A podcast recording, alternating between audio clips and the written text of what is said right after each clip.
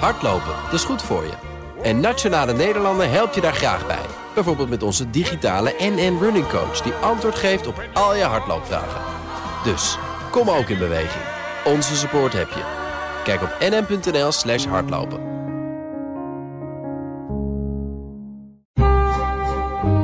De Perestrooikast. Een blik op Oost-Europa.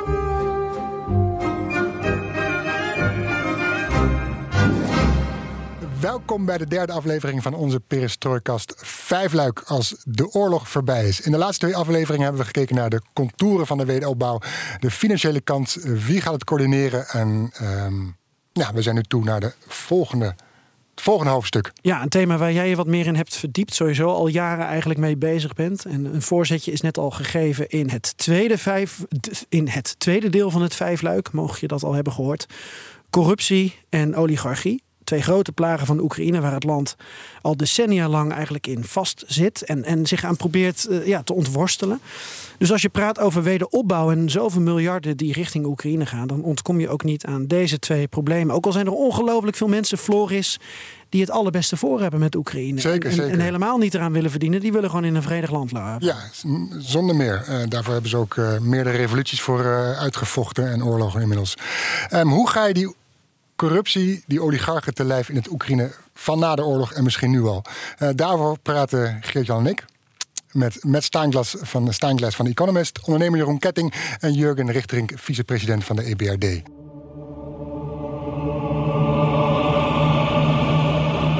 Ja. Ik mag het start, startschot geven. Ja, je, je bent bijna bescheiden. Ja. Maar je mag zeker aftrappen. Ja, er is een filmpje van, uh, ik weet niet of je het even kan laten afdraaien, of een geluidsfragment. Een geluidsfragment Yes. van een filmpje kan ik afdraaien. Ja. Ook voor de radio, daar komt hij. Van NBC Nieuws. These days, corruption in Ukraine is all over the news. But for Ukrainians, corruption isn't new. It's old. And it's not just among the bigwigs and businessmen, it's kind of everywhere. And your average Ukrainian is remarkably open about it. Всім привіт, мене звати Олег, я громадянин України, і е, я в своєму житті е, стикнувся з корупцією. Тобто я заплатив е, хабар у розмірі 1300 доларів для того, щоб не піти, не піти в армію. 10 років тому я ще студенткою, будучи, працювала в міністерстві. І от коли купа була дуже велика, мене попросили, запропонували з нижньої папки перекласти наверх, щоб міністр розглянув швидше і вирішилось питання швидше. Я це зробила і отримала компенсацію 800 доларів. давав хабаря е, дорожній поліції. Ja, Floris. Ja, dit- je hoort die drie Oekraïners. Dit is een item van NBC Nieuws drie jaar geleden, dus voor de oorlog. eh, Om aan te geven hoe, hoe, hoe dat het- de corruptie van hoog tot laag eigenlijk zit in Oekraïne. Ja, ze geven allerlei voorbeelden. hè? Ja, en het eerste geeft bijvoorbeeld hoe hij heel actueel ehm, ja, het leger omgekocht om niet in het leger te hoeven. Dat is, hij legde geloof ik 1300 dollar neer, als ik me niet vergis. Ehm, tweede dame was, die hoefde alleen maar wat papieren te verschuiven bij een ministerie en kreeg daarvoor 800 dollar. En de, de derde meneer zei van, nou, ik heb ook wel eens de, de verkeerspolitie omgekocht om eh, te ontkomen aan een boete. Ehm, ja, hier zie je dus eigenlijk in klein formaat hoe die corruptie in Oekraïne tekeer gaat. En je hoort ook tegelijkertijd de frustratie bij de Oekraïners zelf erover. Zeker, ze zijn er zelfs ook. Aan de ene kant doen ze er wat doen ze mee, omdat je eh, soms ook niet anders kan. Het is het systeem, soms heb je het nodig om dingen voor elkaar te krijgen. Aan de andere kant is het natuurlijk heel frustrerend, eh, omdat andere mensen veel geld hebben en daardoor wij spreken wel een, een onderwijsdiploma kunnen kopen en jij niet. Ehm, dus dit is op klein niveau. En dan heb je natuurlijk ook nog het grotere niveau, eh, de oligarchen, die behept zijn, eh, die, ja, die, die hun handen vol hebben voor corruptie. Dat zijn die oligarchen, ja. Die eigenlijk sinds de onafhankelijkheid in de jaren negentig Oekraïne naar hun hand hebben gezet. Ze hebben de, alle staalfabrieken, andere bedrijven, chocoladefabrieken hebben ze in handen gekregen. Havens, eh, scheepswerven.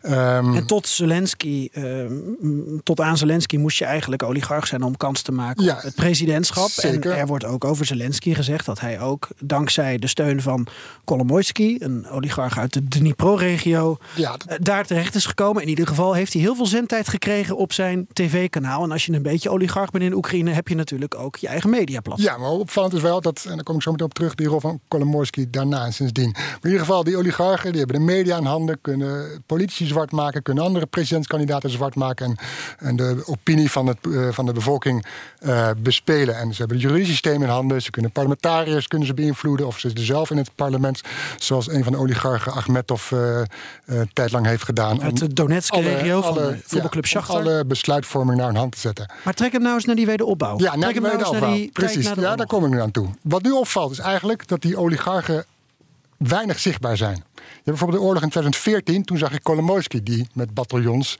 de verdediging bijvoorbeeld van Dnipro, van Oost-Oekraïne opzette. Je had Poroshenko die het voortouw nam. En, eh, Oud-president. Oud-president die eerst bij de revolutie stond op het Maidanplein en daarna zich eh, ontpopte ook als oorlogspresident. En, eh, Achmetov probeerde het een en ander in Mariupol, de stad waar hij zijn fabriek heeft. Maar eigenlijk zie je die invloeden niet terug. Dus dat is een opvallende kenmerk van deze oorlog. Waar zijn die oligarchen gebleven? Ze zijn niet zo op de voorgrond als eh, acht jaar geleden. en Ze doen wel heel veel aan hulpgoederen Ze doen heel veel aan hulpgoederen, klopt. Maar ze, ze hebben niet die, die invloed bijvoorbeeld op de gevechten, op de gevechtshandelingen. zoals, die, eh, zoals, zoals je die acht jaar geleden zag. Ehm, de vraag is ja, wat doen ze? Eh, mensen vragen het ook af. Ik heb me, ben bezig met een verhaal erover. En sommigen zeggen van ja, het is helemaal niet duidelijk wat ze doen. Ze, ze, zien niet in dat, ze zien niet dat de oligarchen bijvoorbeeld geld geven aan het leger. En al die miljarden, waar zijn die? Waarom kopen ze daar geen drones voor? Daar hebben, die hebben we toch nodig? Ze kunnen makkelijk een drones betalen. Dus er zit ook frustratie in momenteel richting die oligarchen. Van wat doen ze eigenlijk voor, voor ons, behalve dan humanitaire hulp geven? Ze kunnen makkelijk eh, eh, wapens geven en dat soort dingen. Poroshenko doet het overigens wel. Ehm, dat, tegelijkertijd eh, krijgen die oligarchen ook klappen. Eh, er zijn eigenlijk drie klappen die ze oplopen. Ten eerste is het economisch. Achmetov is Mariupol kwijt. Daar zijn staalfabrieken staan daar. Die is hij kwijt. Dus Mariupol is bezet door de Russen. Eh Kolomoisky had olieraffinaderijen bij Kremenchuk. Die zijn gebombardeerd. Achmetov die moet nu eh, alle zeilen bijzetten... om zijn energieinfrastructuur op touw te hebben. En hij was sinds 2014 al heel veel kwijt in de Precies, dus je ziet dat ze ook klappen op, oplopen. Ook politiek lopen ze klappen op. Eh, nogmaals, ik heb er met mensen over gesproken.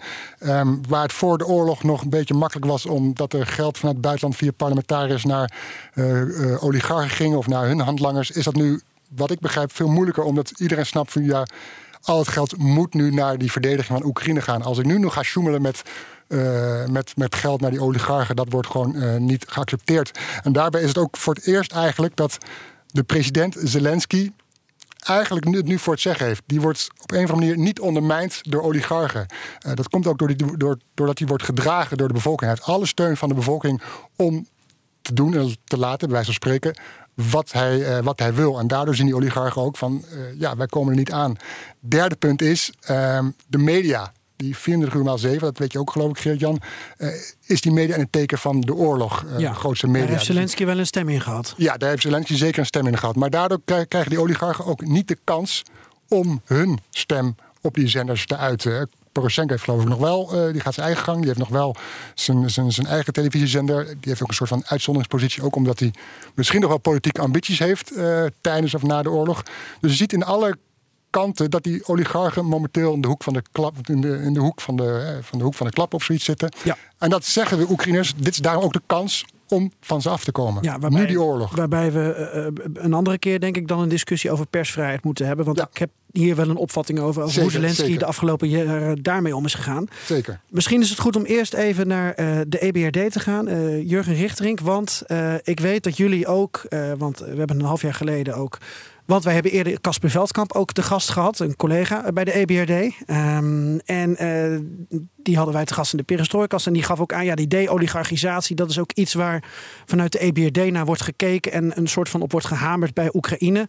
Waarom is dat ook voor jullie een pijnpunt? Ja, ehm, in het vorige blok hadden we al, eh, al kort gesproken over de corruptie, de Corruption Perception Index. En daar eh, heb ik toen ook gezegd, Oekraïne bekleedt positie eh, nummer eh, 122.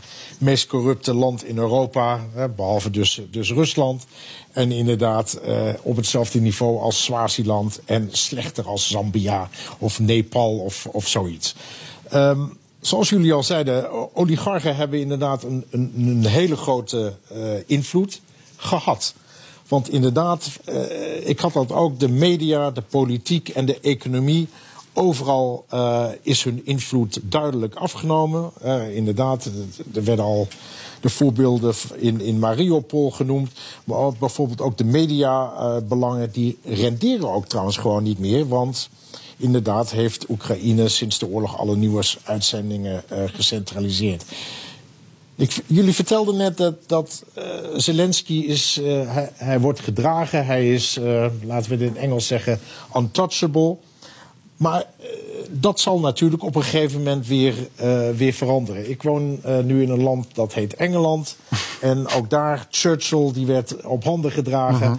Maar dat duurde niet zo bijzonder lang. Dus dat, dat gaat niet, dat gaat uiteindelijk gaat dat veranderen. Ook trouwens, omdat daar ook een politieke tegenstander zit die ook populair is. En dat is de heer Klitschko, de burgemeester van, van Kiev. Waar ik denk wat, wat nog veel belangrijker is, is de, de EU-kandidatuur. En die zou ertoe moeten bijdragen dat er een zeer, zeer strikte anticorruptiewetgeving moet komen. Een ander iets is, hè, we hebben het over corruptie, maar ik, ik, wil dat toch even meenemen. In veel van de landen uh, waar wij werken, waar ook de corruptie groot is, maar dan heb je het vooral over ontwikkelingslanden, heb je het niet alleen over corruptie wat een probleem is, maar wat is de capaciteit van de overheid om eigenlijk die projecten uh, uh, goed, goed te, te bewerkstelligen. We, we, zien dat we hebben de, in, in Oekraïne, we hebben hele goede ministers. Misschien de laag daaronder ook nog. Maar hoe zit het eigenlijk met de, uh, met, met, met de lagen daaronder en de regionale uh, overheden? Uh, kunnen die dit überhaupt bewerkstelligen als er zoveel projecten moeten worden gedaan in zo'n korte tijd? Ja, mag, mag ik even onderbreken? Jeroen Ketting, wat weet jij daarvan? je komt veel op lokaal niveau terecht. Ja. Wat zie je daarvan terug, nou ja, aansluitend op, op wat de wat je, heer wat je, Jurgen zegt? Ik denk dat er een, een, probleem is wat we in het Westen nog niet heel erg doorzien. En dat is dat, uh, dat, dat Oekraïne verre van een, een, een homogeen uh, politiek land of, of, of, maatschappelijk land of sociologisch land is. Er lopen vele breuklijnen in dat land. En wat daar aan ten grondslag ligt, is dat er een absoluut gebrek is aan vertrouwen tussen burgers onderling, tussen de burgers en de overheid en tussen overheidsonderdelen en overheidsdienaren uh, onderling. En ik denk wat, we, hè, wat ik nu al zie is dat er uh, zelfs tijdens de oorlog een heleboel politieke rekeningen uh, vereffend worden. Hè? Bijvoorbeeld in de, in, de, in, de, in de regio Sumi. Daar is de, de, het hoofd van het, het Sumski rayon is um, recentelijk ontslagen omdat de gouverneur terug is gekomen naar Sumi na zijn vlucht uh, toen de oorlog uitbrak. terwijl die, die, dat, dat, dat hoofd dat net ontslagen was die, die is gebleven en dat was een lokale held. Nou ja, en dan zie je zo'n man die komt terug, uh, die gouverneur, die is iets hoger in, uh, in, in rang. En die regelt via de presidentiële administratie dat eigenlijk die, luis, die, die, die dappere luis in de pels, uh, dat die meteen ontslagen wordt. Dus wat je, wat je het probleem wat we gaan krijgen is als we, wanneer we, en, en daar ontkomen we niet aan, wanneer we met die overheid moeten gaan werken, is dat um, er heel veel machtswisselingen uh, nu al plaatsvinden.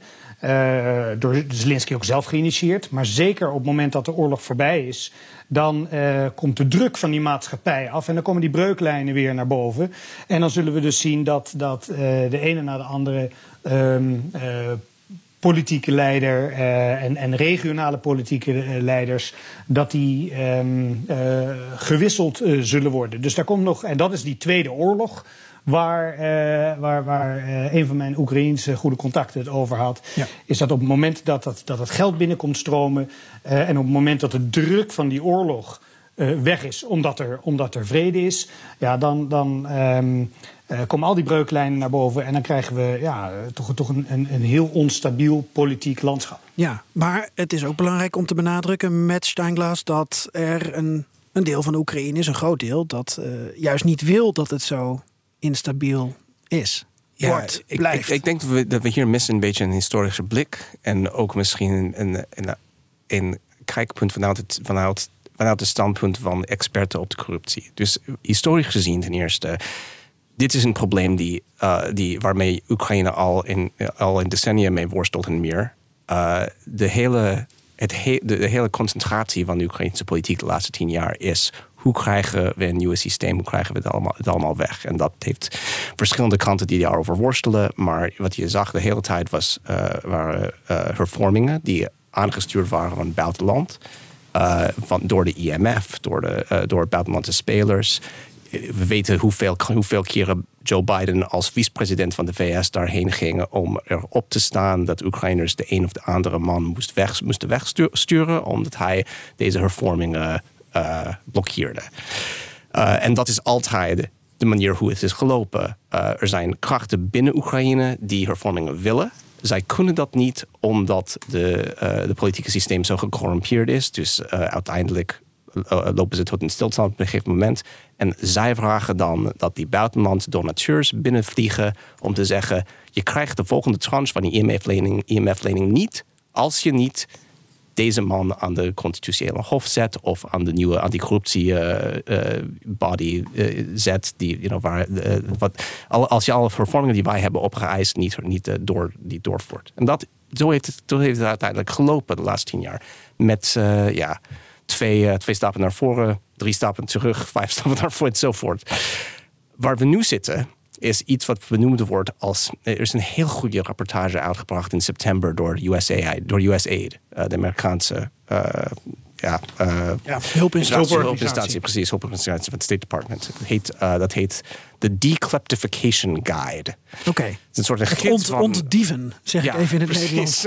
Kleptocracy is een, is een idee dat heel veel naar voren is gekomen de laatste vijf tot tien jaar. Van, you know, in landen die worden gestuurd door boeven uiteindelijk. En dat was Oekraïne, vooral onder Yanukovych. Uh, maar hoe krijg je dat weg? De analyse die zij toepassen, en dat is gesteund door heel veel experts op dit gebied, is: je krijgt dat niet weg behalve op bepaalde momenten. Je krijgt windows of opportunity, heet dat. Er moet een heel grote catastrofe of veranderingen komen, verandering komen in het land op een bepaald moment. Dat geeft de politieke mogelijkheid om alles in een keer te veranderen. Een reset moment. Ja, ja. En zonder dat soort van. Ja, eh, eh, in, de, nor- in de normale gang van zaken kan je een land niet echt decorrumperen. Eh, 2014 was een van die momenten in Oekraïne.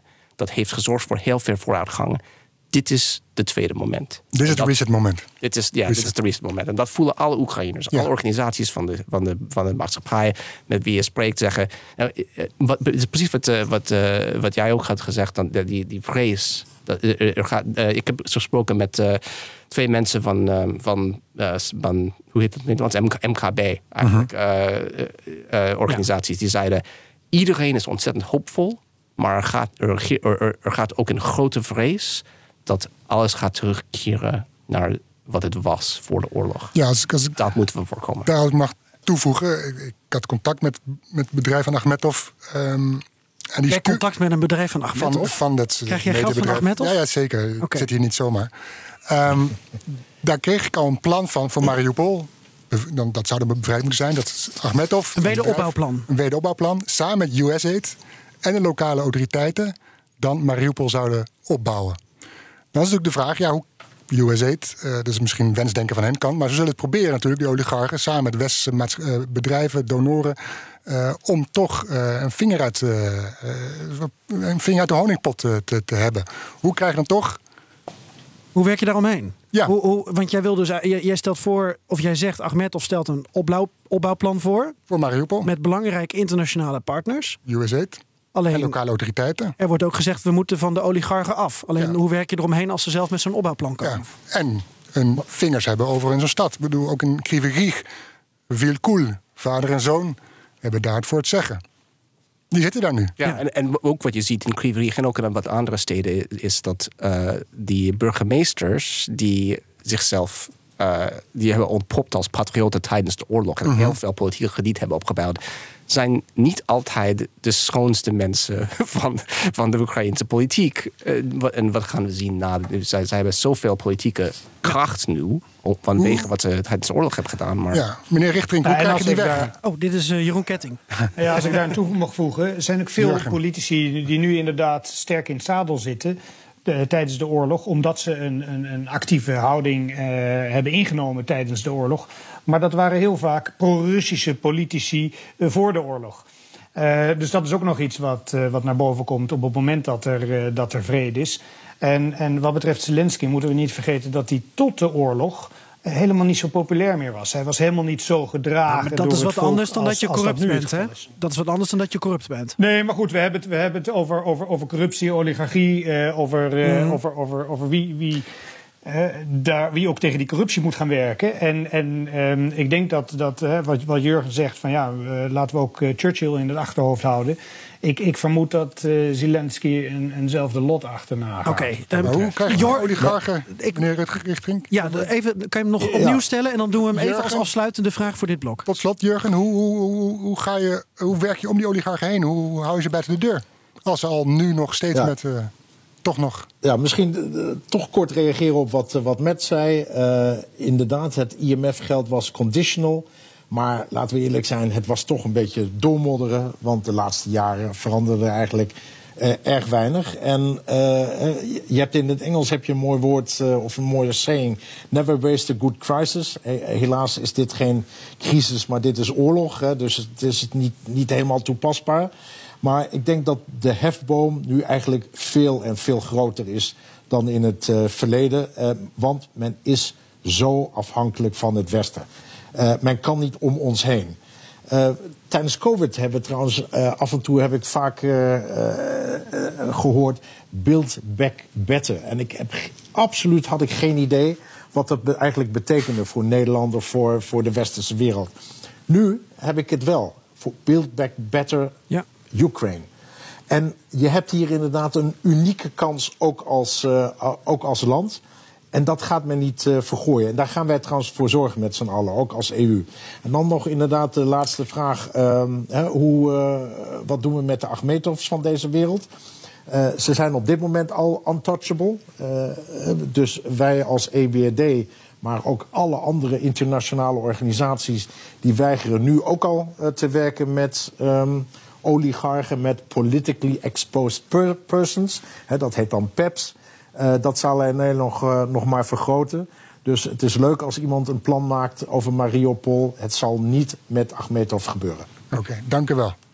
Matt eh, heeft nog een, een opmerking op zijn lippen branden. Maar voor de luisteraar, dan moet je toch echt bij aflevering 4 of 5 zijn om die opmerking te horen. En dan komt hij met een hele goede toevoeging. Want we gaan dit luik afronden, Floris. Ik vind het zo spannend in ene. Ehm, ja, de derde deel sluiten we af hiermee. Ehm, maar vlak de oligarchen niet uit. Ze zullen ongetwijfeld alles aan doen. Dat zei ik inderdaad, heb wel gezegd. Ehm, In de volgende aflevering van. BNR Perestroikast gaan we kijken naar wat voor soort land Oekraïne dan wordt. Groen en digitaal of toch nog een beetje grauw en rauw. Aito. Over van Pakka.